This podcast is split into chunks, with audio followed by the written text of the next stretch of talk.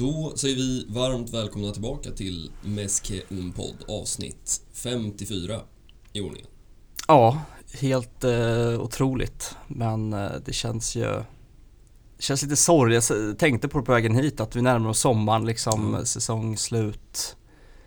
Det... Vi vågar väl utlova något sommaravsnitt här. Ja, vi hoppas det. Det ska ju inte dö liksom helt under eh, sommarmånaderna. Känner jag Barca rätt så lär det finnas en del att prata om. Eh, Det känns redan nu som att eh, vi kommer få lägga mer och mer av de här sista avsnitten på eh, transfermarknaden. För Mm. satan vad det har blåst den här veckan. Ja, det är väl några Twitter-bomber som har liksom slagit ner i Barca-lägret. Ja. Men vi ska väl återkomma dit. Vi ska väl börja och prata om det som har skett på planerna eh, den här veckan. Vi har ju två matcher att eh, avverka och vi börjar väl nere i Sevilla. Eh, det känns som ett, ett liv sen. nu. Ja, verkligen. Men vi vill minnas att vi utlovade en jävla fotbollsmatch Mm. och det var väl typ exakt det vi bjöds på också. Verkligen. På Benito Villamarin. Ja. Eh, och eh, nej men eh, wow, vi pratade ju mängder liksom, vem får chansen? Det slutade med att Memphis fick Mm. starta den där, i den där anfallstrion efter eh, vilka mötte de innan? Han har ju haft en liten Ja, målstreak nu. Mallorca. Just det. Ja. Nej men precis och noterbart också att Ferran startade som nia och inte Aubameyang. Det säger väl Precis. återigen en del om Xavis förtroende för Ferran som väl Ja, det, om vi ska prata om någon slags Även om man har vänt på det nu då så kanske det är så att Ferrans formdipp inte har vänt tillsammans med laget. Nej, Eh, har haft några tuffa veckor nu. eh, Där det knappt känns som att han kommer till målchanser längre. Eh, Vi har ju pratat Ja. mycket förut om det där att ja, är det bra eller dåligt att man bränner mycket? Eh, Men nu känns det som att han inte ens är där. då är det kris på riktigt. Ja, lite så. Eh, Vi får väl se om man kan stänka in någon boll här de två sis- sista, sista matcherna. Eh, Men om vi ska börja prata lite om motståndet så måste man ändå, det känns lite uttjatat, eh, men man måste ändå höja på den där hatten för Pellegrini och för Bettis. Ja, verkligen. Alltså, vilket, vilket lag. Det, det är ju inte varje gång man är liksom lite avis nästan på, på motståndarna Mm. och man känner ja den där spelaren skulle man vilja plocka liksom. Mm. Men det finns ju ett par i det där Bettis liksom.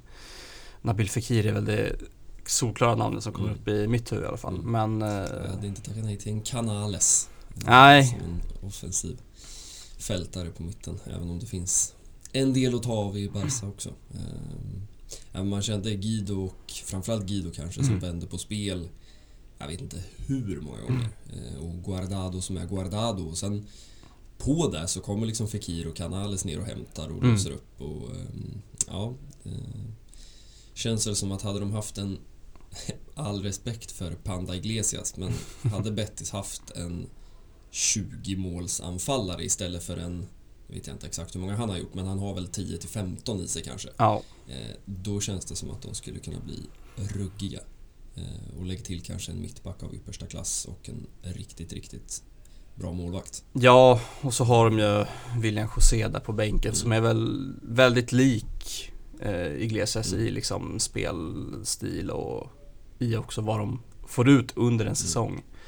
Så hade de haft den där spetsen som du säger då, jag tänker en Raúl de Tomas. ja, ja då pratar vi om ett liksom ah, nästan solklart topp 4-lag. Ja, ehm, sen ska det ju, ja det ska bli jäkligt spännande att se hur de följer upp nästa säsong nu för man, eh, nu har de ju visserligen spelat i Europa redan i år. Mm. Ehm, men ibland så blir det ju sådär att eh, lagen som, även om vi har pratat om kanske framförallt vilken extrem bredd de faktiskt har skapat sig. Ehm, Men det ska bli spännande att se hur de följer upp. Ehm, Och vi får se hur det blir med Champions League-platserna. Vi vill ju ha vår topp 4-korre här nu som rapporterar. Eh, Jag noterade att Sevilla fortsätter att skaka ordentligt. Eh, Till och med rykten om att man överväger att sparka Lopetegi nu efter säsongen. Ja, för det, vi var väl inne på det förra veckan också att deras höst, alltså deras vårsäsong har ju varit så otroligt dålig Mm. jämfört med eh, hur det såg ut under hösten. Och Nej, de verkar ju liksom inte kunna, kunna vinna. Det är tre raka Mm. kryssmatcher man har nu. Ja, Atletico har ju gått om nu. Eh, Ja. Det trodde man inte för, för några veckor sedan. Eh, Nej, verkligen Ett inte. Atletico som ju vann derbyt eh, här i helgen. Eh, viktigt för dem. Precis. Eh, och det känns väl som att Barca börjar koppla grepp. Nu går vi lite händelserna i förväg, men om den här andra platsen. Eh, det blir väl Atletico som eventuellt har chansen nu då på slutet. Eh, men om vi ska... nu flög vi ut från Benito Villamarin på en gång, men eh, det var ju trots allt mållöst väldigt länge. Ja, det skulle ju kräva en viss eh, innehoppare Mm. för att det skulle bli eh, 1-0 Mm. och vem annars om inte Ansu Fati alltså. Det, vi har varit jäkligt oroliga för, för liksom hans status efter de här skadorna men det säger ändå någonting att han fortfarande har, vi har pratat om det, att det är något oförklarligt liksom Mm. men när han får de där lägena så så sitter de oftast. Ja, det är något slags... ehm, jag vet inte, oförklarligt ständigt momentum på något sätt. Ehm, ja, det, man, man bara känner det med vissa, vissa spelare. Men som du säger, jag har suttit och... Ja, alla klipp som Barsas mycket problematiska sociala medieredaktion bandar ut på träningsvideos och sådär. Man sitter och tittar och ja, rör han sig verkligen så smärtfritt som, som han har gjort? Och, eh, det har ju sett lite Ja, han har ju inte flugit in i duellerna eh, de här minuterna. Nej, man ser Eh, väl någon form av så här försiktighet Mm. fortfarande ska, ska sägas. Mm, vilket ju inte är så konstigt såklart. Men ehm, mm, mål kan han göra eh, på ett eller annat sätt. Det var väl kanske inte karriärens vackraste. Men eh, nej, lyckades överlista Rui till slut. Eh, som man väl trodde var det bästa bytet i matchen. Han gjorde en riktigt fin match efter att Claudio Bravo, som man för övrigt kan fundera på hur han kan ha den där första slipsen fortfarande. Ja, det... Inte för att han på något sätt är en dålig målvakt, men, men jag tycker alltid att man, man imponeras av Rui Silva när han kommer in. Och, Ja, inte om man ska vara lite konspiratorisk liksom med Pellegrini på, på bänken. De känner Mm. varandra rätt väl. Ja. Eh, sen eh, Bravo är väl, ja, det är väl ändå en erkänd liksom bra La Liga-målvakt eh, fortfarande. Men eh, ja, Rui där bak, han eh, kommer från Granada va? mm, Eh, ja, man trodde väl att han skulle ta över den där första slipsen, Ja. men ja, gubben Brav flyttar man tydligen inte Ja. i första nej, vi får första se nästa säsong kanske. Ja. Ehm, men det skulle ju vända ganska fort. Eh, en viss eh, en bekanting får man väl ändå säga. Vi pratade ju lite om La Masia-kolonin i Betis eh, Ja. förra veckan. Och det är klart att en ur gänget kliver fram och eh, Marke Bartra och, Mm. och firar som att han aldrig liksom, eh, ja nej, han höll inte tillbaka. Nej. Nej men det, det här var ju en match som lagen på något sätt liksom, vad ska man säga, de de kan ju spela mot varandra. Liksom. Mm. Betis bjöd upp, jag tycker att Barcelona också bjuder upp. Mm. Eh, och det är inte konstigt att det är 0-0 liksom, även om det är väl någon halvchans där, någon halvchans där. Men Mm. Ja, Ja. Juanmi hade väl både en och två. Eh, ja, Där man tänkte att, eh, ja, här kanske du... Han, han har ju ändå visat någon slags... Jag vet inte vart den kom, men liksom, han har varit klinisk under säsongen. Ja. 13-14 ligamål. och eh, det var väl kanske Betis farligaste liksom eh, anfallsväg Mm. eh, där Barcelonas högerkant med Dani Alves Mm. som, eh, ja, Föga förvånande, får Ja. man väl ändå säga. alla som lyssnar vet vad vi tycker om Dani Alves försvarsspel Ja. så det kanske inte är så jätteöverraskande. Nej, men, eh, han, han har vibbarna. Ja. Men, eh, ja, vid 39 års ålder så är det klart att det finns brister. Ja, men också fördelar, det kanske vi kommer till eh, allra sist här i matchen. Men eh, ja, de kvitterar ju Bartra eh, såklart. Fast situation va och Mm. Det kändes liksom, det målet, ja, jag vet inte om det låg i luften men Ja, men lite ändå. Man, eh, och det är klart att man kan straffa ett Barcelona i just eh, de där höjdduellerna. mm, ja, men det var väl, man hade väl lite liknande efter Raios mål Mm. för Mallorca bara ja, dagar innan. Ja, Eh, nej, finns en del att fila på där. Och vi ska väl också komma ihåg, nu känns det som att man har eh, ja, men låst och stängt den där Champions League-platsen. Mm. Men där och då så var det ju den man spelade om. Eh, Ja, det var ju helt De där tre pinnarna. Eh, det är lätt att sitta här i efterhand. Nu har man avverkat Celta ganska lätt också Mm. och nu blir det att spela av ungefär. Eh, sen vet jag fasen hur Xavi ska få ut 11 spelare på, på söndag. Det är en annan femma. Men nu känner man sig så jäkla bekväm. Eh, men det ska väl ändå eh, sägas att där och då så... Ja, tre pinnar till Betis och eh, en Sevilla-vinst i, ja, i helgen. Då hade det varit lite jobbigare. Ja, verkligen. Eh, nu blev det ju lugnt ändå och det får vi väl... eh, Ja, jag ger bryggan till dig och ger lite beröm till Dani Alves. Ja, det är ju som att eh, vi återigen trycker på någon så här spola tillbaka-knapp Mm. eh, och eh, Alves assisterar en Jordi Alba och man är ju inte bortskämd med liksom de här sista sekunderna målen. Eh, jag är alltid pessimistisk och tänker här, det går aldrig vägen liksom i de här slutforceringarna. Mm. Men eh, vips så hade liksom Alba bombat in den där eh, 2-1 Inte bollen. första gången känns det som. Han, hans målkonto... Ja, han har några strutar. Ja, man tänker på det här mot Atletico helt på hemmaplan. vansinniga målet ja. Fast det är, ja, jag hävdar fortfarande, det är, det är någon form av så här felträff. Den träffar ju benskyddet Ja. och seglar in i mål. Ja, men eh, han har väl prickat dit några den här Ja. säsongen och vi tackar ju honom för en säkrad Champions League-plats Ja, eh, så här i efterhand i alla fall. Ja. Ehm, och lite kanske spiken i kistan för Betis också. Som väl kanske med många också trodde att Real ändå skulle knipa åtminstone en pinne mot Atletico. Nu ser det ganska mörkt ut för Betis. Även om den där härliga matchen mellan Betis och Atletico finns, eh, finns kvar ju. Ja, att man hade ju gärna velat se den matchen när det faktiskt fanns någonting på spel. Ja, Eh, det hade väl ja, kanske varit en av säsongens häftigaste matcher. Ja. Eh, men tyvärr. Nej, nu börjar väl botten Levante.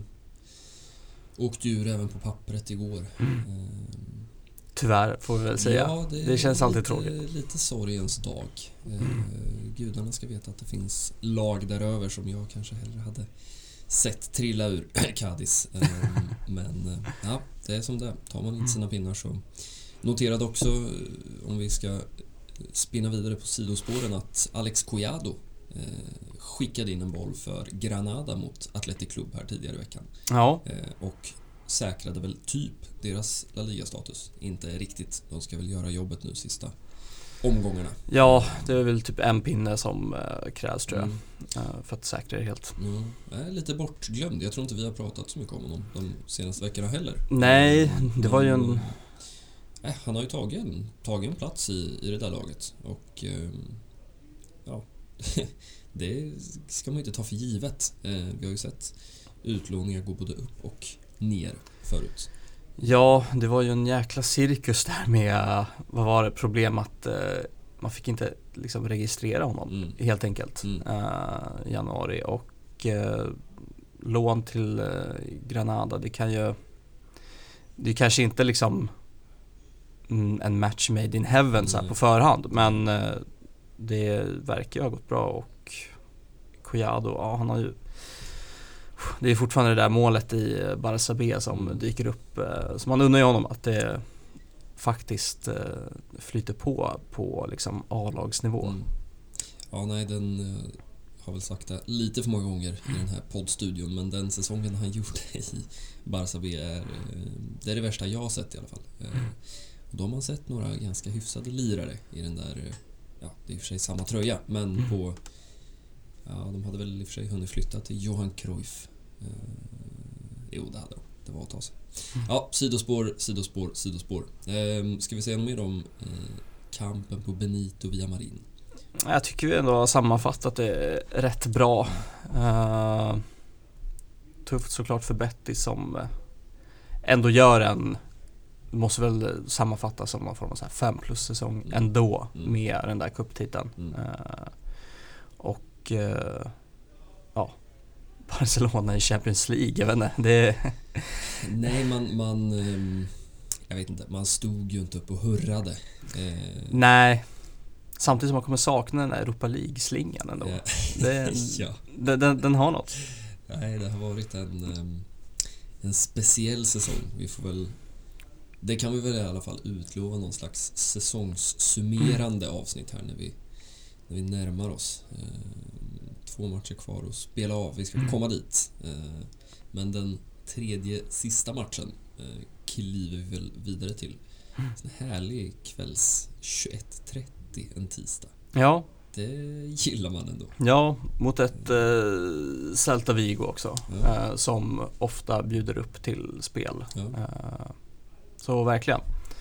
Men eh, man fick ju sig en, eh, jag vet inte, liten chock när man såg den där startelvan. Mm. Man tänkte, vi har pratat om Ricky Push tidigare och tänkte, Mm. ska han äntligen få chansen nu när eh, det där mittfältet är ju, ja, alla här i sjukstugan känns det som. Ja, så. Men så blev det inte utan det var någon sorts 4-2-3-1 Mm. variant istället. Ja, man kände väl lite att eh, där och då hade man försökt liksom tänka sig Ricky Push som går och tittar på tavlan. Nej, Xavi känns nästan som en sån som eh, snackar ut laget. Ja, Eh, men det, det känns väl som att eh, den kvällen bestämmer han sig för att nu eh, är det dags att lämna. ja, det här var väl kanske det ultimata tecknet liksom. Mm. Allt på förhand är ju krattat för att han ska liksom ta den där platsen men det säger ju en del att Xavi väljer att liksom byta hela spelsystemet Ja, för att det får man ändå säga. Eh, kanske inte liksom för att hålla honom borta men ja, för att han andra spelare går före helt Ja. enkelt. Ehm, och det funkade väl, eh, får man ju säga. Ja. Även om det kanske rent så att säga, spelmässigt var det väl inte den kanske mest granna insatsen genom tiderna. Men jäklar vad effektivt det var.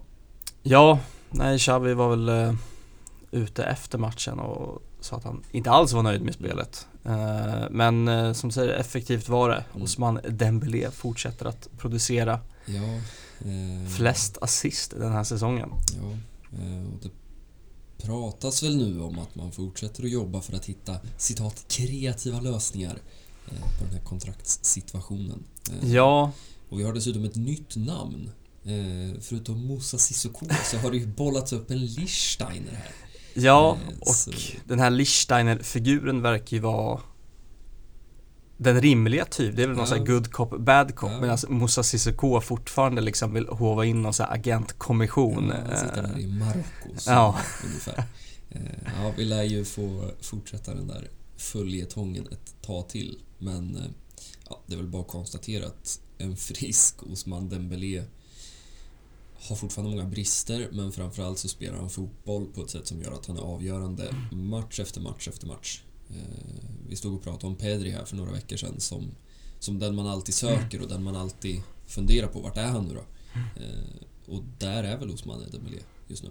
Ja, verkligen. Det känns som att det mesta offensivt går via den där högerkanten och han, ja, nej, han, han, vet hur man spelar fram liksom. Det är inspel och det är inlägg och det känns som att allt bara är rätt just nu. Eh, och att han ligger på, vad blir det, 13 assist. Mm. Där väl typ, vad är det, 9-10 av dem har kommit sen liksom januari. Mm. Eh, säger allt om, Ja, eh, det är ruggigt imponerande. om den här vårsäsongen.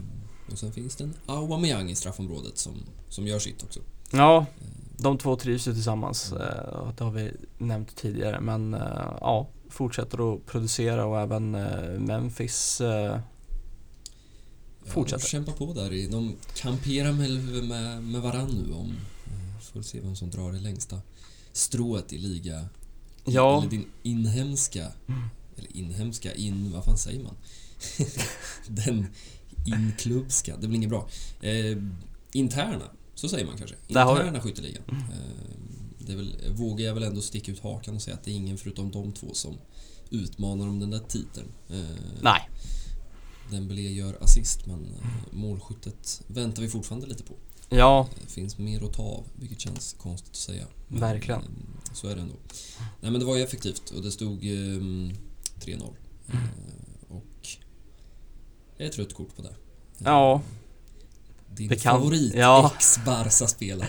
Jason Murillo eh, lyckas ju med bedriften att komma in i, i paus Ja, och sen bli utvisad. här knappa timmen var typ. Ja men exakt, ja, typ en kvart senare liksom. Eh, och det, ja, det kändes som att de kanske hade checkat ut eh, där och då. Ja, lite så. Eh, vi pratade väl också lite om det där förra veckan att det kan finnas en fördel i att möta de här mittenlagen. Mm. Eh, och där får man väl vara ärlig och säga att även om Barca kanske inte gjorde den spelmässigt bästa insatsen så, så var det väl ett Celta Vigo som, som kanske inte var bedrövad över att åka till Camp Nou och eh, lämna tomhänta. Nej, verkligen inte. Så, så är det. De är i det där ingenmanslandet och hade man, ja nu har vi ju ställts mot eh, lag som kämpar om överlevnad eh, och vi har ju sett hur det har gått. Mm. Eh, så absolut en, en fördel i det här fallet. Och, Mm. Men eh, Barcelona skulle ju bjuda tillbaka det där 3-1 målet. Ja, man har nästan lite glömt det eftersom allt som skedde därefter. Eh, vi ska väl bara nämna också, tänker jag, för att föra någon slags kronologi att Ricky Push kom in i halvtid Ja. eh, istället för Ferran som Mm. som sagt, vi började väl nästan där. Återigen har haft det tufft. Eh, och hade det tufft de 45 minuterna han gjorde också. Mm. Eh, men ett mer klassiskt 4-4 eller 4-3-3 i andra halvlek. Precis. Eh, Med Ricky på mitten. Mm. Eh, Men eh, som du säger, det skulle ju bjudas på en, en Celta-boll också. Mm. Och jag vet inte vem du håller skyldig i procentsats Ja, mellan Ter Stegen och den gode Araujo. det känns väl alltid som att målvakten, jag vet inte om det automatiskt ska falla på målvakten, men att man ska styra upp det där på något sätt. Mm. Men ja, Ter Stegens form, eh, vi vet ju vart den, eh, vart den pekar. Ja, ehm, Och så väl för övrigt att eh, han eh, inte kommer att spela någon landslagsfotboll i sommar Mm. i hopp om att få någon form av så här vila, ordentlig vila och Mm. en ordentlig försäsong. Mm. Eh, och det, det låter ju bra. ja, det känns som att det behövs en... eh, Ja, han behöver ladda om, tror Mm. jag. Få en lite semester och en bra försäsong. Lex ganska många andra. Eh, Vi har pratat om Ansu Fati. Ja, verkligen. Eh, Som också känns som att eh, Lucho får gärna låta bli och kalla upp honom till några Nations League-matcher Mm. i juni. Även om jag misstänker att så kan bli fallet. Mm. Men det är väl en senare fråga. Men det är klart att det är Aspas som är där och Ja, vem annars? Eh, det, han fortsätter att bära den där klubben på det, sina axlar. jag tror faktiskt inte att man kan ja, prata tillräckligt om hur imponerande det är. Jag, jag tror inte att det finns liksom över en... Det kom ju ut någon statistik också på, nu vet jag inte om det var, nu säger jag väl fel hur jag än gör, men det var väl någon slags, eh, kan det ha varit sex eller sju senaste säsongerna. Eh, där Aspas har gjort eh, lika många mål som Karim Benzema. Det säger ju en del om Karim Benzema, men det säger också ganska mycket om Mm. Aspas. Och jag bara tänker så på rak arm. Låt säga under en femårsperiod. Jag kan inte se, förutom Messi såklart, en Mm. spelare som har burit sitt lag på samma sätt. Nej, Man han, kan väl liksom slå fast att utan Aspas så hade ju Celta inte spelat La Liga. nej verkligen inte. Den statusen hade nog försvunnit för ganska länge sedan. Ja. Eh, Är det någon som ska ha någon form av så här MVP-utmärkelse där man kanske inte tar hänsyn till eh, hur laget har presterat. Mm. Eh, då, Hamnar den, till eh, Aspas varje år. Ja, ungefär. men typ. Nej, men jag vet inte, vad är det han har? 18 ligamål Mm. nu igen. Ehm, ja, hatt av. Ehm, men sen skulle man ju inte tänka så mycket mer på Aspas för att ehm, ja, det var väl en händelse som dominerade den där matchen och som väl egentligen har suttit på näthinnan sen dess när Araujo kliver upp i nickduell med Gavi. Ja, vilket ju är olyckligt i sig. Men eh, ja, jag vet inte, man, man är... Eller jag är i alla fall lite... man ska ju liksom inte måla fan på väggen men, men eh, efter Christian Eriksen i somras så, så är det som att insatserna, i alla fall för mig, alltid höjs när man ser spelare ligga liksom... Ja, man vet ju inte så mycket utifrån TV-bilderna utan man ser ju en spelare som inte rör sig. Eh, Precis. Nej, men jag tror du, du liksom pinpointar något där att de flesta har väl fått in det i liksom sitt något sätt medvetande Mm. att eh, det kan gå så det kan gå riktigt, riktigt illa liksom. Eh, Ja, och sen ska man ju inte jämföra liksom en huvudskada med Eriksens eh, hjärtstillestånd såklart. Eh, Men liksom, ja, när man sitter och ser TV-bilderna så, så är det ju liksom samma känsla Mm. eh, man får. Och även lag, ja, det var väl Erik Garcia och eh, just nämnde Aspas som fort var framme och mm. Vinkade in både det ena och det andra. Eh, Man vet att det är allvarligt när det liksom inte räcker med golfbilen utan man skickar in ambulanser på planen. Ja, Eh, Sen blev det ju närmast komiskt. Eh, Och också ganska allvarligt, tänker jag. För om man liksom tolkade TV-bilderna rätt så fick de väl liksom inte igen dörrarna. nej. Eller ja, de fick inte in båren helt enkelt, vilket gjorde att de inte fick igen dörrarna. Och det är klart, det gör väl inte Araujo något egentligen att ligga där nu med facit i hand i fem minuter. Men man tänker också att ambulansen ska ju finnas där för... Alltså låt säga att vi pratar om ett hjärtstillestånd. Ja, om du, och, och så ska vi lägga fem... Men det känns lite spanskt också. eh, man har en ambulans som inte går att stänga. Eh, ja, nej men det var ju... Mm, mm, skärrad stämning kändes det som. Ja, och det kom väl ganska snabbt om uppgifter. Nej men alltså att han fördes till sjukhus och sen tog det väl inte jättelång tid efter slutsignal eh, innan eh, man fick veta att ja, men det rör, rörde sig om en eh, hjärnskakning Mm. men att det inte ska vara så mycket allvarligare än så i alla fall. Nej, precis. Han har väl i princip fått grönt ljus, Ja. om jag förstår rätt. Eh, sen, återigen, man står ofta här känner jag och spekulerar i liksom medicinska angelägenheter, men eh, man kan ju kanske känna att det inte behövs eh, 90 minuter nu i helgen. Nej, Så, det låter rimligt. kan det nog mycket väl bli så. Men eh, vi ska väl återkomma till och försöka pussla ihop en sån där 11, eh, hur nu det ska gå till. Eh, men det kändes väl lite som att det tog udden av matchen också. Ja, var verkligen. Och liksom det, vad blir det? Blir de här, så här 11 tilläggsminuterna och man känner bara att eh, det kommer liksom inte hända så mycket mer utan Nej, det hade också varit spanskt och ja, kanske även rätt att blåsa av efter Ja. 93. Ja. Eh, för det, ja, det kändes som dels att matchen var ganska avgjord och eh, två lag som egentligen inte hade jättemycket att spela för. nej. Eh, Även om det väl ändå finns... Ja, nu kanske inte så många var på plan, men vi har ju pratat lite om det där att det är ganska många som ändå spelar för sin framtid. Mm. Eh, Nu kanske inte just de fanns på planen. Eh, Även om Super Luke var där och eh, hade väl någon chans. Ja, och han hade ju en nick som ah, TV-vinkeln gör ju det, den spökar ju till det liksom. Ja, och också att det är Eh, Super Luke som nickar. Ja. Man förväntar sig nästan Då är det någon form av målgaranti liksom. Ja, nej. ehm, men jag tänker på en sån som, som Ricky Push också. eh, såklart. Som behöver alla minuter de kan få. Ja, han var ju nära och, eller han petade ju in en boll Mm. men blev ju bort eh, vinkat Ja, för offside En efter. del om och men. Men det såg Ja. korrekt ut till slut. Mm. Och så en Mingesa som får, ja, den här enigmat Mingesa var, Mm. det känns väl som att framtiden inte är på Camp Nou Nej, nästa säsong ehm, i alla fall. jag ställer mig fortfarande frågande till den här ofattbara omskolningen till högerback. Mm. Eh, som väl kom ur, liksom, han var ju många gånger riktigt bra under förra säsongen som höger mittback i Komans, ja, vad man nu ska kalla det, 3, 5, 2, 3, 4, 3, fråga mig inte. Ja, Eh, men treback var det i alla fall. Eh, och jag tror ju fortfarande, nu är det ju för sent, men eh, ja, som en höger mittbacksreserv.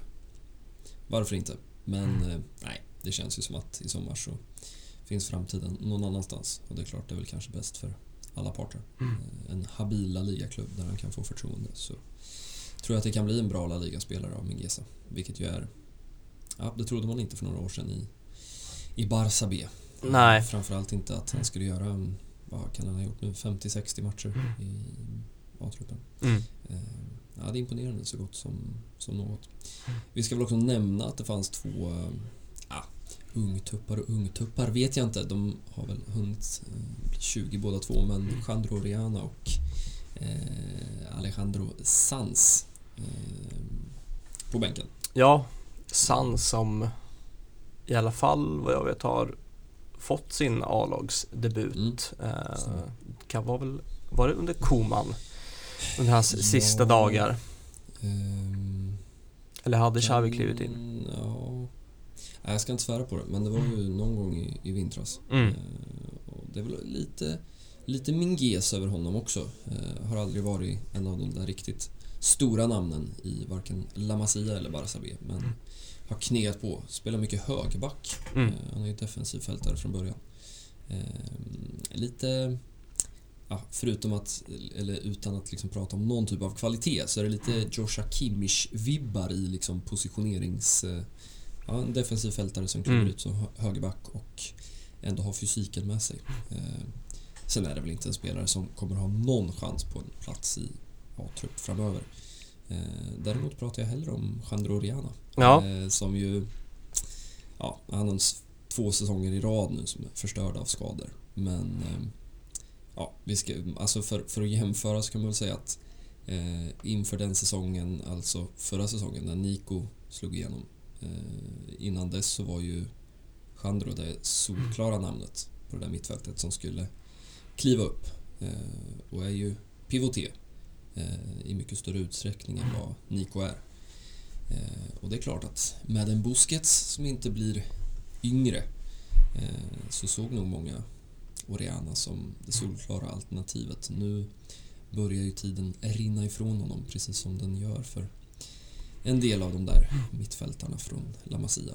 Eh, Men jag hoppas fortfarande, och det pratas väl om att han kommer få försäsongen med A-truppen i sommar. Ja, Eh, så är det väl varje år att eh, Xavi får väl välja ut sina liksom Ja, precis. Små guldägg. Jag kan som- tänka mig att en sån som Ilias eh, också kommer vara där. Man har Mm. nästan glömt att han, han gjorde matcher från start i Barcelona. Ja, Eh, som 16-åring i, ja det var väl innan jul. Eh, och det finns väl en Ferran Schutkla, det finns väl en Abde som också kommer vara där. Mika Marmol. mm. Ja, det finns en del spännande namn. Balde, såklart. Han är väl i princip A-trupps kompatibel även om det inte har blivit många minuter. nej. Nej, det ska bli spännande och vill jag väl få återkomma. Eh, kanske får en sån här försäsongsavsnitt någon gång i juli sen. Eh, men det blev inga minuter för varken Oriana eller eh, Alvaro Sanz. Nej. Eh, tyvärr, får man väl inte säga. Men det är klart att Mingueza ska luftas. Eh, så bara vänta på Brathwaite också. Ja, precis. Eh, nej men tre, eller liksom, ja, på, på sen sist då sex starka pinnar. Eh, det måste man väl ändå säga. Ja, verkligen. Att slå Bettis borta, det såg man väl inte komma för kanske en månad sedan. Nej, eh, Eh. det kan vi vara överens om. Ja, nej, och egentligen nio om man räknar in Mallis då. Ja, det är nio, tre raka. Ja, nej, det är väl skönt och, om man nu skulle då... Eh, sen är det väl två tuffa uppgifter kvar nu med Getafe och Villarreal. Men ja, det har väl ändå något tror jag att kliva ur en säsong eh, med liksom bra känslor. ja verkligen. Eh, Men som sagt, eh, två tuffa matcher som återstår och eh, vi kanske ska brygga över till utmaningen mot Madrid. Madridklubb nummer tre kanske. Även om Rayo väl är där och utmanar nu i Madrid-ligan. Ja, de får väl ändå ses som någon form av fjärde lag. Mm. Ja, jag tror det ändå. Eh, för Getafe, ja, i och för sig, skulle man ställt den frågan i eh, november så hade vi nog fått ett annat svar. Eh, för den stora storyn, den stora vändningen i La Liga i år är väl ändå Getafe. Ja, och eh, Enes Ynal där på topp Ja, eh, har ju en helt otrolig säsong. ja. Eh, jag vet inte hur många mål han... Det är, ja, det är väl en 15. ja, Eh, något i den stilen. Eh, och den såg man inte komma. nej verkligen. Han... Eh, Har väl varit eh, lite överallt de senaste säsongerna. City, liksom City Football Group-värvning som på ett eller annat sätt till slut hamnade i Villarreal va? Ja, Eh, utan att få chansen riktigt.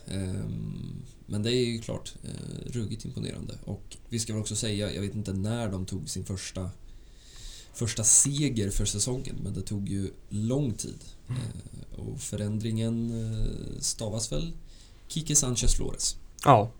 Eh, den- Ständige Kike Ja, den Sanchez Flores. är evighetsmaskin på de där tränarbänkarna. Han Eh, försvinner och så dyker han upp Ja. efter... eh, hade väl någon session i Watford. Eh, Det gillar man ju inte. Han ska ju vara där i, i La Liga, mittenträsket. Ja, och det gick väl inte så jättebra där borta Nej. i eh, England. De, eh, Watford är ju... De har väl avverkat typ tre, fyra tränare Ja. den här säsongen. Ja. Eh, Men, eh, nej men det är klart, man vill eh, se honom på eh, någon spansk plaza eh, med en eh, Cortado i, där någonstans. Ja, det där han hör hemma. Ja, Eh, Jag vet inte, det är en bra hårkamp mellan Xavi och Kike. Ruggigt svall. Eh, men och det är ju en stark... eh, De förstärkte ju ordentligt i januarifönstret och man ska väl även säga liksom från början, det är ju en stark trupp. Jag satt och scrollade här på tunnelbanan hit. Eh, Alltså ett, ett par namn till där och det är en trupp som absolut tillhör övre halvan skulle jag säga. Eh,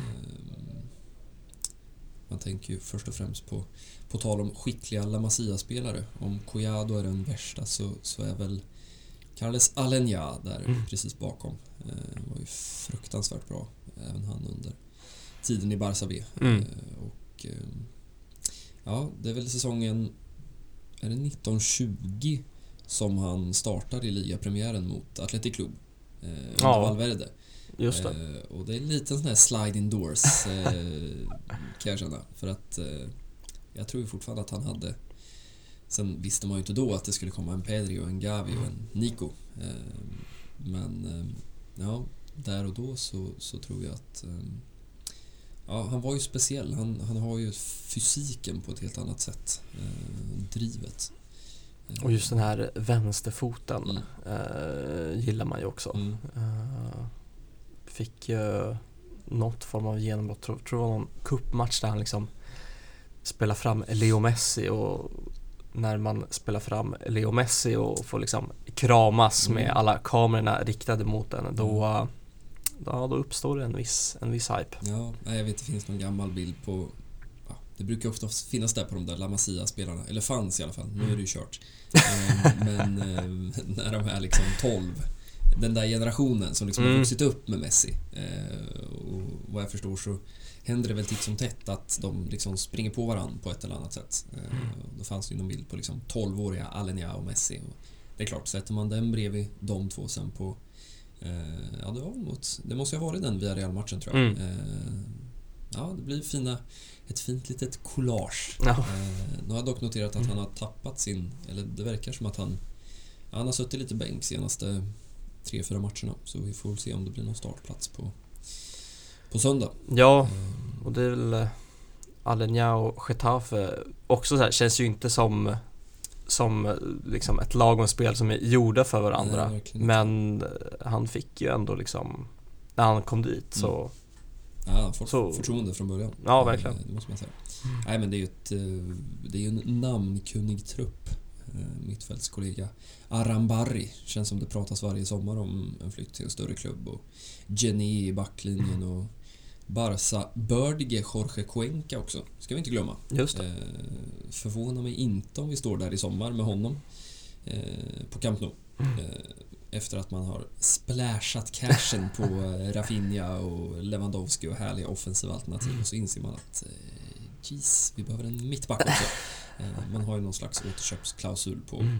8-10 miljoner euro. Mm. Eh, ska vara ärlig och säga att jag har inte sett 36 Getafe-matcher den här säsongen. Eh, men ett antal har det blivit och ja, nej, han eh, ständigt stabil. Ja, och så goda Sandro Ramirez också. Ja, fina, fina kanarier, Sandro Ramirez. Ja, han fick ju sina chanser den där hösten när Mm. han och Monir kom fram. Just det. Eh, det är väl den hösten när Luis Suarez är liksom avstängd efter den här eh, bettet mot Chiellini. Precis. Eh, kom väl tillbaka till klassikot där i oktober. Men fram tills dess så var det ju Sandro och Monir som delade på den där tredje positionen bredvid Messi och Neymar. Ja, Det är en trio så gott som någon. Eh, Men han har väl också tappat sin plats till Borja Majoral som ja, ju kom in i januari. ja från eh, Roma va? Ja. och har väl gjort det eh, rätt så okej. Ja, han har hängt så här 6-7 kassar. Det är väl godkänt på en vår i Getafe. Ja, verkligen. Och Sandro, han har väl han fortsätter väl med att liksom hitta rätt. Eh, han har väl varit i en och annan klubb eh, Ja, sen det där uttåget. ja verkligen. Nej, man, man, det är någon öm punkt. Jag vet inte vad det, vad det är riktigt, men man gillar...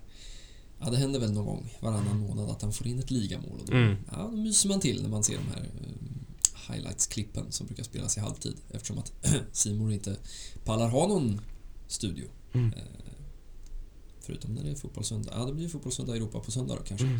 Men de lär väl foka på Italien nu eftersom det verkar vara så väldigt prioriterat. Ja. Den ligastriden. Den är väl spännande i och för sig. Men Mm. vi håller oss till Getafe. Jag vet inte om vi ska försöka pussla ihop någon form av startelva. Det kan vi göra för det har ju hänt en, eh, en del. Vi har ju en Eric Garcia som ska in i, eh, ja han kanske har kommit ut vid det här laget men eh, han har ju skadat tummen Ja. på något sätt och tvingats operera. Ja, man höjer knappt på ögonbrynen längre när man får de här Nej. Det är liksom, var det, först var det en, eh, en tå på, en, tå, en tå på Nico som hade gått och nu är det tummen på Garcia. Ja. Nej, man Eh, undrar vad de pysslar med på träningarna. Ja. Det var ju någon ofattbar video nu i veckan som de kablade ut när de... ah, Jag vet inte, det såg ut som någon slags... eh, Jag vet inte hur man ska beskriva det. Det var som någon slags liten koja där Osman Dembélé kikar fram. Ja, ja, men det var någon form av så här gatlopp där de skulle liksom springa och så sparkade lagkamraterna så här yogabollar på Ja, dem typ liksom. Mm. Eh, så tog man skydd in i den där kojan. Ja, nej, eh, Xavis tränarmetoder låter vi... Ja, det får stå för honom. Eh, nej, men det, det finns ju en del att fundera på. Både Jordi Alba och Frenkie de Jong såg ganska avsiktlig ut, måste jag säga. Eh, Frenkies när han tog den. i- Ja, jag kände också det här- Här är någon som inte vill åka till Madrid Nej. i helgen och Eh. kanske få någon extra ledig dag. Ja. Eh, nej, men så att det, det, mm, det finns ju att eh, fundera på. Eh, vi får väl se om Araujo kryar på sig tillräckligt för att vara aktuell för den där elvan. Annars så finns ju, ja, kalla det möjlighet eller risk att Umtiti återvänder till den där startelvan. Det känns eh, nästan konstigt att ta de orden i sin mun. Ja, jag väljer väl att se det som en dunderrisk Ja. att eh, ha honom där. Men eh, så är det ju mycket möjligt att det blir. Ja, för det ska ju täckas en vänsterbacks... Ja, det är om man spelar... Om Balder får chansen då kanske. För nu finns det ju ingen Dest som kan flytta över dit. Nej. Sen finns det en Mingesa som kan flytta över dit visserligen. Eh, Langley lär ju, lär ju starta oavsett. Och Ja. så Dani till höger. Eh, och Det finns ju att fundera på på ett mittfält också. Eh, Ska Ricky få chansen? Ja. Eh, för sen känns väl Gavi och Busquets kommer väl tillbaka från sin, sin avstängning. Eh, ganska givna.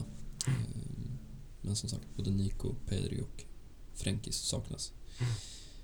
Och så är det en anf- anfallstrion. Eh, det är väl frågan om vi får se. Ja, vi ska väl inte säga det. Det kanske blir en 4-2-3-1 igen. Ja, precis. Ehm, Och då har han ju inte så mycket att välja på egentligen. Om han inte ska trilla till det ordentligt och ge en Adama Traoré chansen. Eller en Ja. Luke de Jong. Men eh, Det känns väl på förhand som det väl blir någon Dembélé, kanske Aubameyang och Memphis. Mm. Uh, Ferran Torres som sagt ser ju ganska så kall ut. Ja, det Eh, säga. och det kanske skulle passa sig bättre att han kanske får inleda från bänken Mm. och i slutet uh, få ett inhopp och försöka ta det därifrån. ja. Nej, och det finns ju inget att ta hänsyn till sen. Eh, Det blir en ledig vecka och sen Mm. avslutar man mot Villarreal på Camp Nou. Eh, kan, En fin match också. kan också bli en häftig match. Mm. Eh, De, ett tag tänkte man där att eh, det kommer vara ett Villarreal som genrepar inför en Champions League-final på Camp Nou. Eh, Det hade varit speciellt. Eh, men så blir det inte fallet. Ehm, Nej, men det blir en tuff, tuff uppgift. Det är alltid tufft att möta Getafe. på den där Ja, även... Arenan. Precis. De är väl också så gott som klara för, för nytt kontrakt. Men det är ju ett sånt där lag som har ställt till det och kan ställa till det. Mm. Eh, De, de vet hur man backar hem och de vet hur man, Ja, hur man nafsar i de där hälsenorna. Mm. Eh, Så nej, det kan bli tufft. Ja. Eh, lite speciell avsparkstid då. Söndag 19.30. Mm. Men, Den är man inte van Nej. vid. Jag vet inte vad det handlade om. Först var det väl 18.30. Jag tror de flyttade fram en timme. Mm. Eh, Men eh, ja, eh, man ska väl inte stå här och fundera på det spanska ligaförbundet. Det har man gjort tillräckligt under den här säsongen.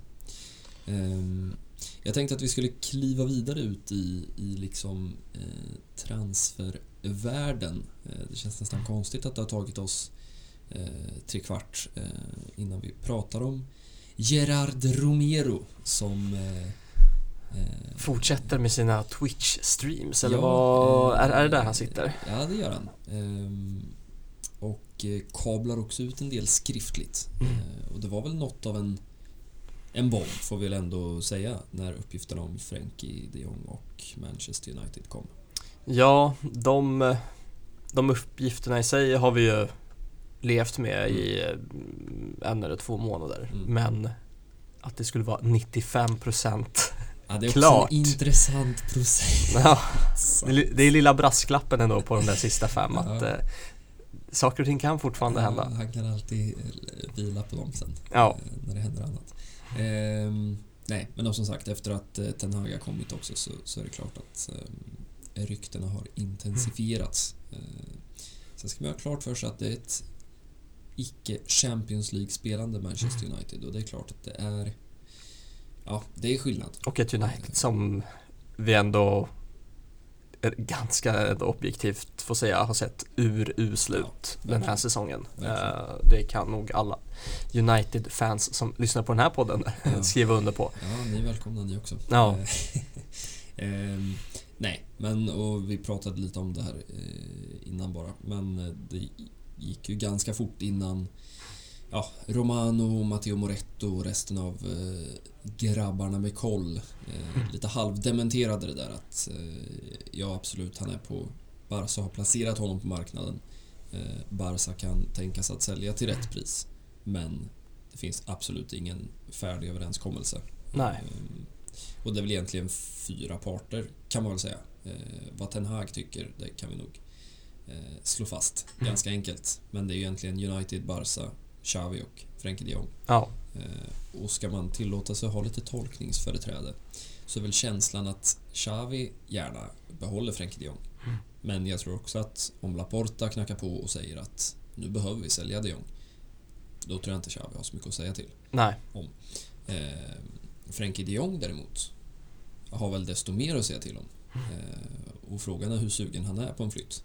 Eh, det har ju inte kablats ut lite skärmdumpar på han och flickvännen och det finns ju någon bild när de är på Camp Nou sådär 2000 inte vet jag, 15 eller något. Eh, Mm. Och så dröjer det fyra år och så står han där på inneplan med tröjan i hand. Eh, och Barca är ju hans drömklubb, det vet vi ju om. Ehm, Men det är klart att det, det lär ju ta hårt, tänker jag, bara insikten för honom att hej, okej, jag är tydligen säljbar. Mm. Ja, de eh, uppe i ledningen med kostymerna ser ju snarare de Jong som liksom och det får han väl också det får vi väl också säga att han är den mest värdefulla liksom spelpjäsen i det här eh, bygget. Mm. Ja, som är rimlig att sälja. Det är klart att Ja. man kan prata om en Pedri eller en Ansu Fati, men eh, Det finns ju mittfältare där bakom liksom. Eh, men eh, och eh, men den här säsongen har ju inte den har väl inte blivit vad någon av oss har tänkt oss från början. Eh, men eh, de Jong är väl den som har haft det lite extra tufft. Mm. Eh, och då brukar det sluta så att då står man här med ett eh, 95-procentigt transferrykte Mm. liksom. Mm. Eh, Men eh, jag tror inte heller de Jong själv är så sugen eh, på att lämna. Han eh, sa i någon, eh, någon eh, nederländsk eh, tidning att han hade liksom skrivit på ett kontrakt med en förlängning liksom här och nu. Mm. Det liksom krävs inte, inte mycket för att, för att det ska ske. Nej, och sen kan man ju fundera på, jag satt själv och funderade lite sådär att eh, vad skulle man själv ha gjort? Mm. Eh, inte som Frenkie de Jong utan som Barca då. Eh, och det är klart att det finns ju en problematik i att jag menar Pedri och Gavi, där har du ju två startspelare. Sen kan allt hända, men liksom i princip de kommande tio åren. Eh, och då är frågan, ska man då integrera Frenkie de Jong på Busquets position? Vilket ju inte alls har fungerat. Nej. Det har vi sett gång på gång på gång. Eh, sen vem som ska spela där från och med sommaren 2023 ja, Det är ju en helt annan fråga och det är en ganska jobbig fråga att tänka på. Frenkie Si, Eh, kanske. Ja, ehm, möjligt. Eh, men då är frågan, kan man då försvara att ha Pedri, Gavi, Frenkie de Jong på två startplatser? Mm. Eh, och då kanske en annan femma. Hur mycket man än vill ha Frenkie de Jong kvar, för det är klart att man vill.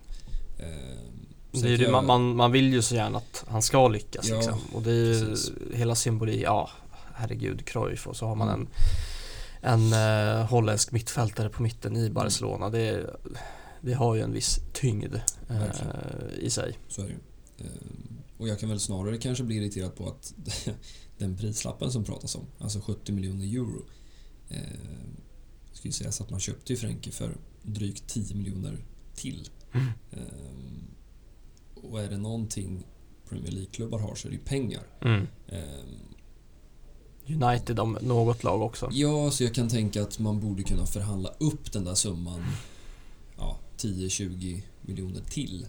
Han ska väl inte ska- gå för under biljarden kanske. Nej, eh, och sen det låter ju också skevt men, men ja, det är ju inget som säger att man tycker att han är värd en miljard utan vi pratar utifrån vad som gäller på transfermarknaden Mm. sommaren 2022. Och det, regler och grejer verkar ju inte finnas riktigt längre. Men det är klart, kan liksom Declan Rice gå för en miljard? Mm.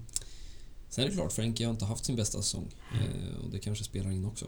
Eh, men eh, ja, det ska bli väldigt, väldigt spännande att se eh, både de här två sista matcherna på kroppsspråk och, och grejer. Hur man Verkligen. hanterar det, men också hur klubben ska hantera det. Eh,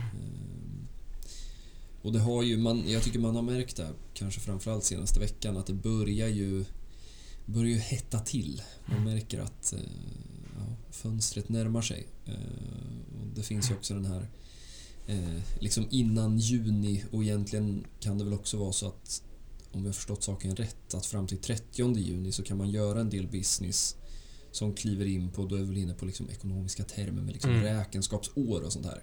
Eh, och det ska väl också vara därför man är ganska sugen på att sälja Frenkie redan tidigt nu då. För att man ska kunna räkna in det i liksom den här säsongens budget. Ehm, och det har väl med allt det här med Ja, vi har ju suttit och pratat om liksom CVC-avtal hela våren och Ja. det där är väl fortfarande, eller det är ju inte klart än. Eh, och, ja, jag tror att Laporta har en del att fundera på när han sitter vid sitt eh, stora skrivbord. Jag tänker att han har ett stort skrivbord Ja, med lite saker på. En liten dator och några papper. Eh, nej men så det, det lär ju...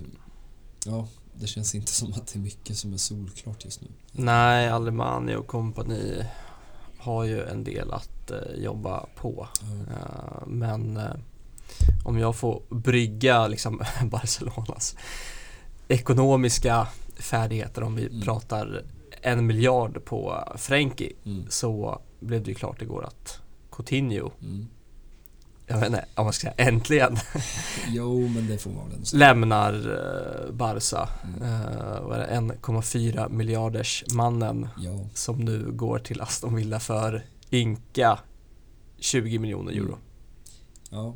Eh, och man fick väl också in då att man får halva övergångssumman för en framtida affär. Precis. Vilken den skulle vara. Man, eh, ja, jag satt också och funderade på det. Vilken klubb? Det känns som att efter ett något Aston Villa-äventyr så är det väl typ hem till Brasilien Ja, och de något. övergångssummorna brukar väl inte vara någonting att hänga i någon Nej, form av... och jag tänker även, låt säga att han skulle liksom hänga 10 kassar i Aston Villa i höst. Ja, är det då någon som vill kliva in och betala, inte vet jag, 30-40 miljoner euro för en spelare som då är, har nått 30? Mm. Ja, det är tveksamt. Men eh, nej, jag skriver nog under på eh, att eh, det känns som äntligen. Mm. Eh, och det är klart, man, man hade ju... Ja, man hade väl haft mer betalt för att kunna sänka den där liksom diffen. Mm. Men eh, ja, det är också svårt att sänka en diff när den börjar på 1,4 miljarder. Eh, nej, det känns som en annan, ett annat liv när, när man satt och mös den där våren Mm. när ja, Iniesta spelade på den där positionen. Mm. Eh, Coutinho kunde inte spela Champions så man roterade in honom lite i ligan och man tänkte Just att ja, just det, det är så här livet är. Mm. Eh, riktigt så kul blev det ju inte. Eh, Nej, och det är väl, finns väl inte jättemycket att säga. Coutinho har väl varit liksom uh, ut ur Barcelona ett tag eh, egentligen. Eh, ja, det var väl Koman som trodde sig kunna återuppliva det där. Eh, Ja. Men, ja, i det där hemska 4-2-3-1 signerat Ronald Koeman. Nu ska man väl akta sig när Xavi har spelat Ja. 4-2-3-1. eh, Men eh, Koemans 4-2-3-1, eh, det var ändå något annat, vågar jag påstå. Nej, men det är väl... Ja, jag kastar ur mig det nu, men det är väl fotbollshistoriens sämsta värvning. Ja, det måste det väl vara i, med facit i hand. I, Också jag tänker om man ska räkna in liksom vad det har gjort med en fotbolls... Alltså jag menar den där... Ja, hela den sommaren. Ja, nu är det väl vintern 18 han kommer då. Men eh, vad det också har gjort. Jag vet inte, man kan väl prata liksom en, inte vet jag, en Harry Maguire eller någonting. Mm. Men faktum är ju att United, de rullar ju på som aldrig förr. Mm. Eh, Coutinho-värvningen ja, sänkte ju i princip Barcas ekonomi. Eller den var ju åtminstone en del av det. Eh, Man kan väl kanske prata om en Griezmann också som Mm. kanske...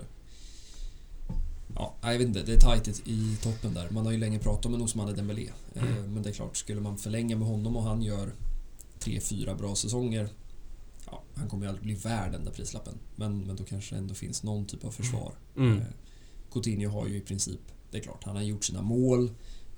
Men herregud, han har väl liksom gjort hattrick mot Levante. Eh, men, eh, ja, nej, herregud. Det känns, det känns bra, jag tror det känns bra för alla att man får pengarna till slut. Han får komma hem till Steven Gerrard permanent. Och, ja, jag vet inte, kanske har vi pratat om honom för, för sista gången i den här podden. Ja, förhoppningsvis. Och liksom, ja.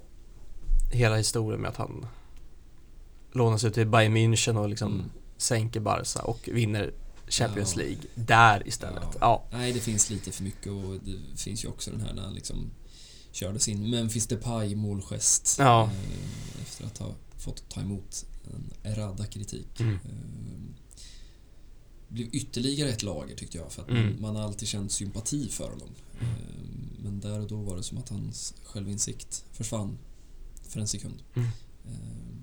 Men vi tackar väl för Ja. han gjorde väl vad han kunde, det ska man väl också säga. Eh, Det är ju en värvning som till 100% är klubbens ansvar. Eh, Ja, Den det är ju- dåvarande ledningens ansvar. Precis. Eh, Vem som då trodde att Coutinho skulle kunna ersätta Iniesta, för det var ju Mm. det som var tanken. Mm. Och så här i efterhand så framstår det som ganska, en ganska makaber tanke. Mm. Även om han ju var... Ja, man kan ju också, på tal om sliding, sliding doors, man kan ju fundera på vad som hade hänt om han hade varit kvar i Liverpool.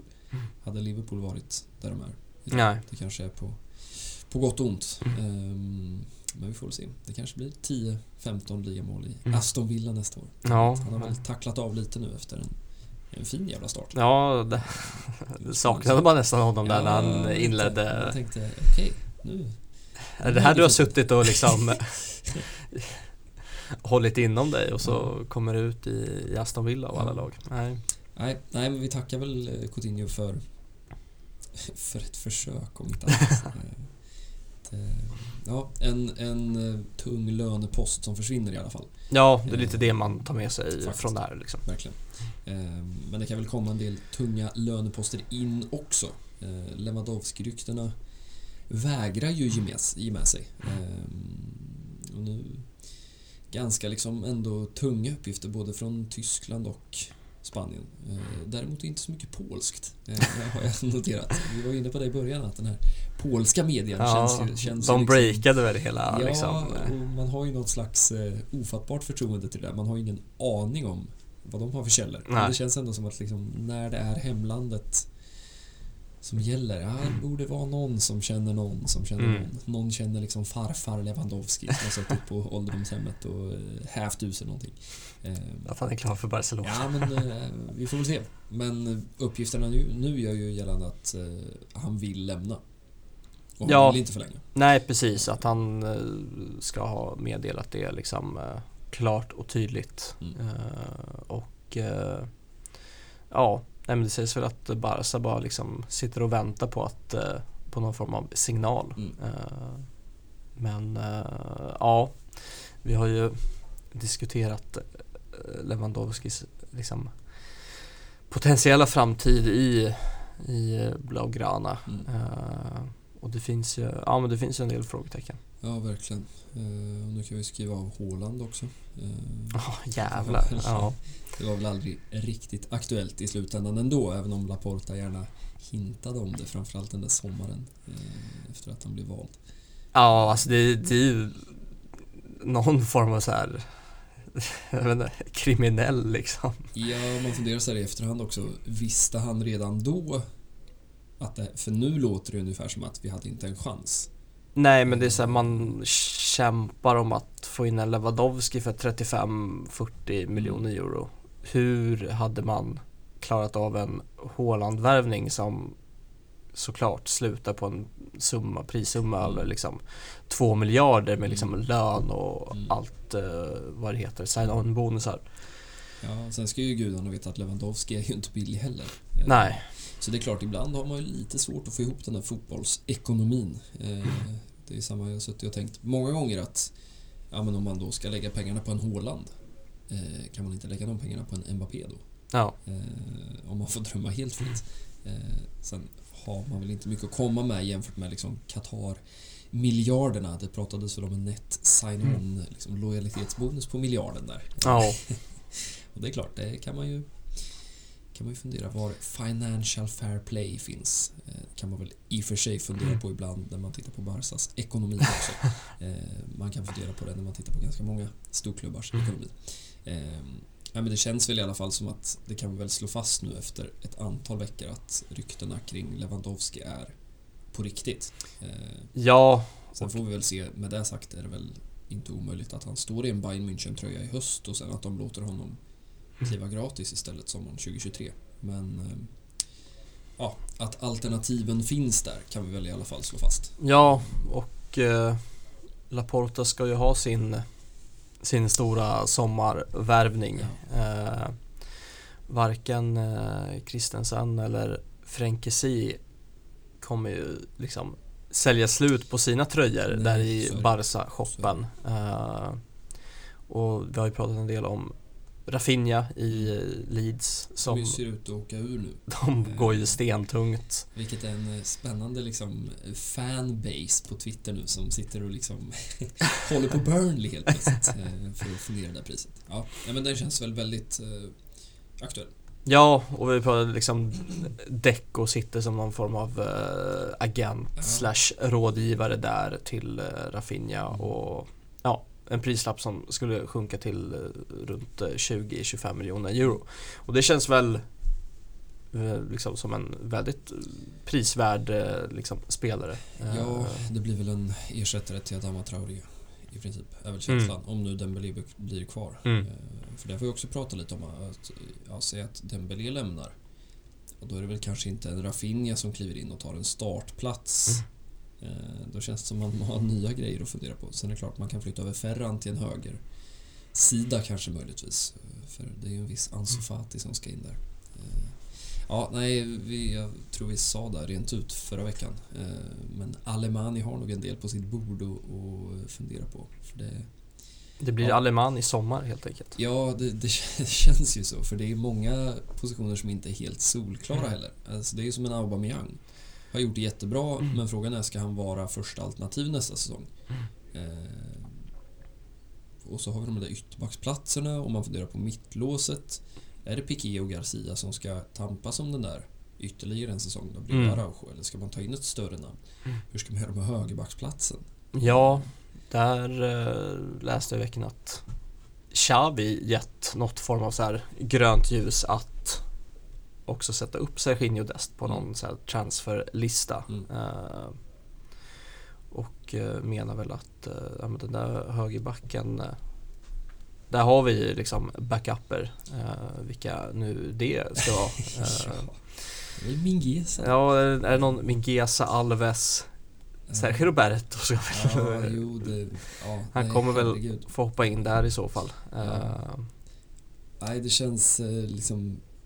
Ja, Alemani han har Mm. någon whiteboard eller någon sån här eh, liksom, eh, plats med alla liksom, Mm. post-it-lappar i olika färger. Det känns nästan liksom Michael Scofield-läge för att liksom förklara den här, hur den här sommaren ska gå till. ja, Men det känns eh, återigen som sagt, det, i princip på varje position känns det som att det kommer hända saker. mm, Eh, det kan vi nog eh, garantera.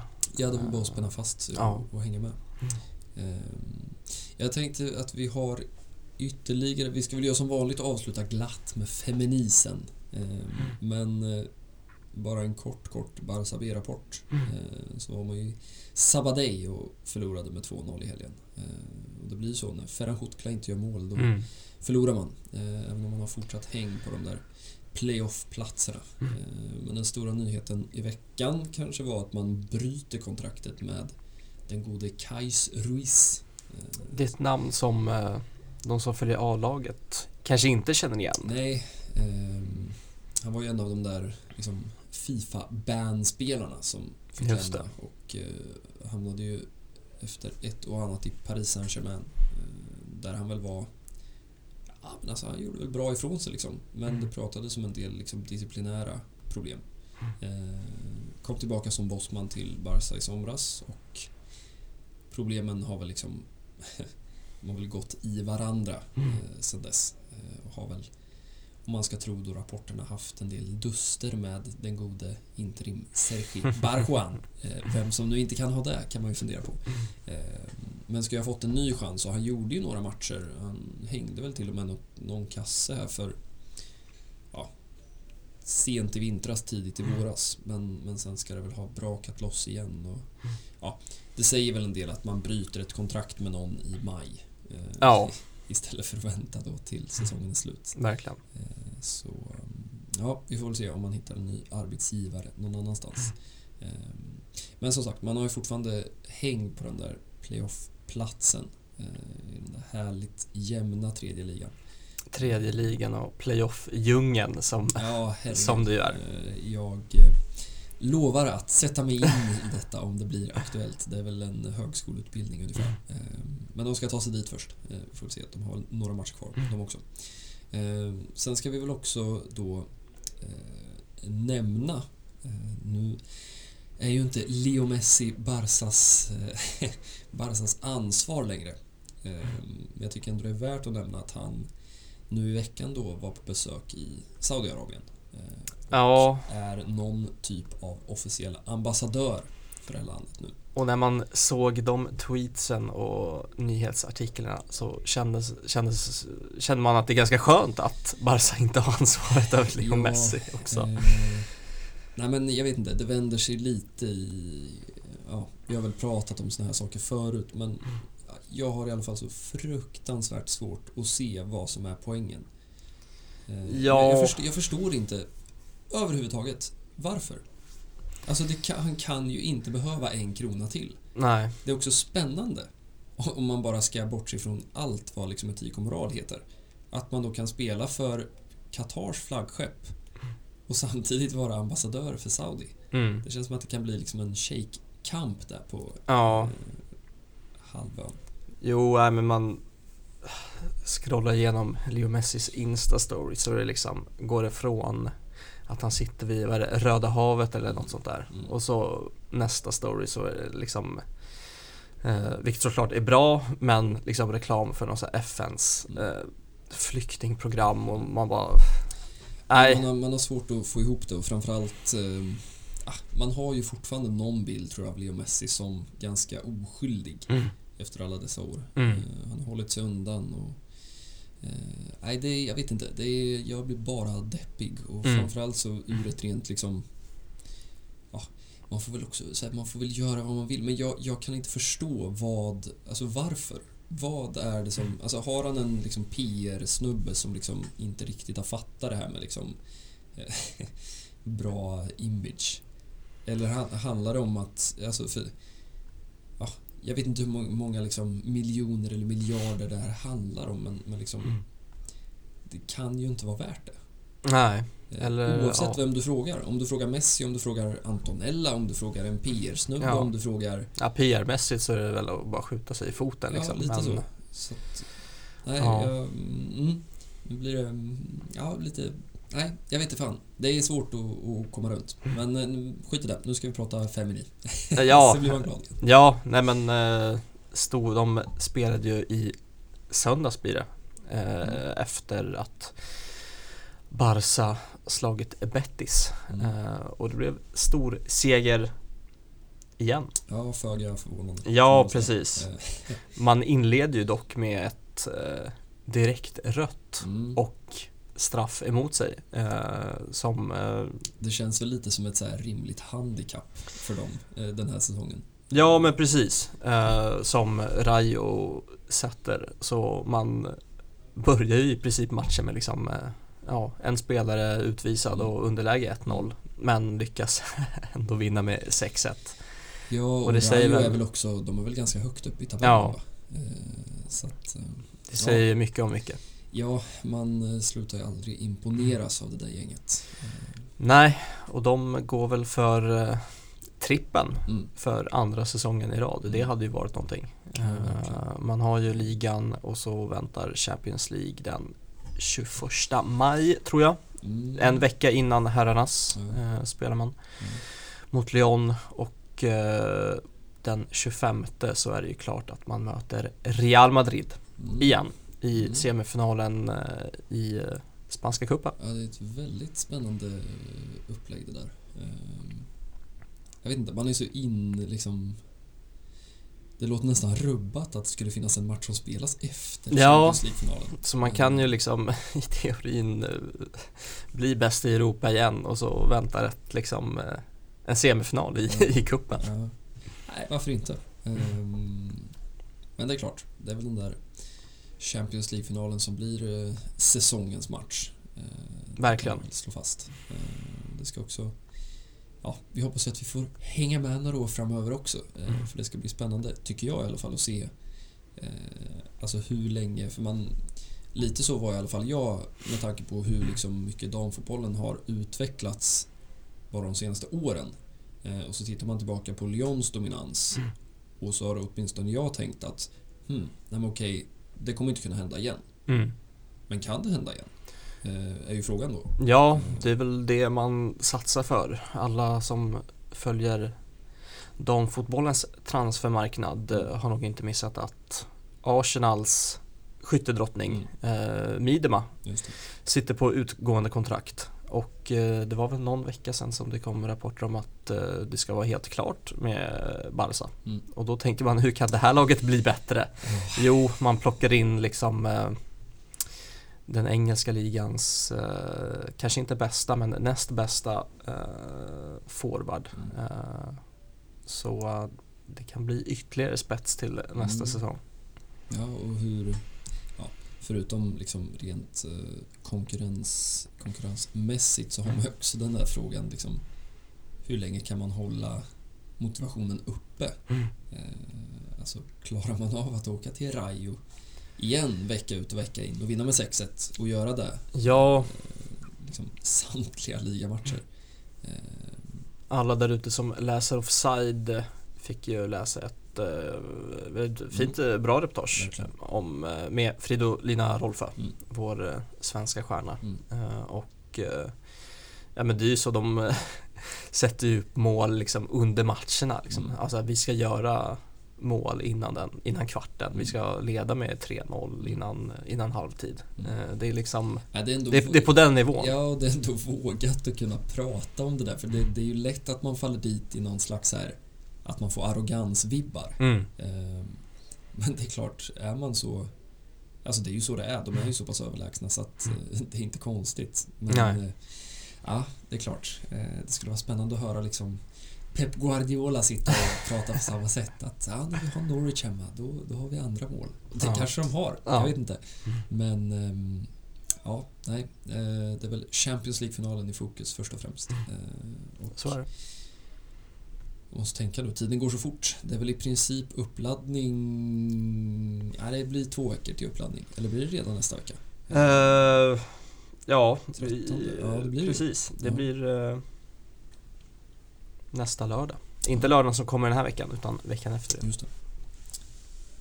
Ja, nej, det blir spännande. Det känns som att eh, det, det är den matchen man går och väntar på. Villarreal hemma i all ära. Men en Champions League-final slår något högre än så. Ehm, Men tills dess så får vi väl hålla till godo med eh, Getafe borta på söndag. Mm. Eh, och Barça B ska väl också springa iväg och spela. Nu har jag inte koll. Jag tror att det är en lunchmacka. Eh, Alltid lika trevligt. Ja, om det är lördag eller söndag. Det, ja, jag lovar att skicka ut det skriftligt. Så kan man ju... Det går ju att se alla matcher nu. Mm. Tack och lov. Gratis. Man får regga ett konto. Eh, det, det får jag väl kanske inte länka. Smygreklam. Man får, Ja. man får hitta dit själv. Mm. Eh, om inte annat. Eh, och vi är väl på återseende någon gång under nästa vecka.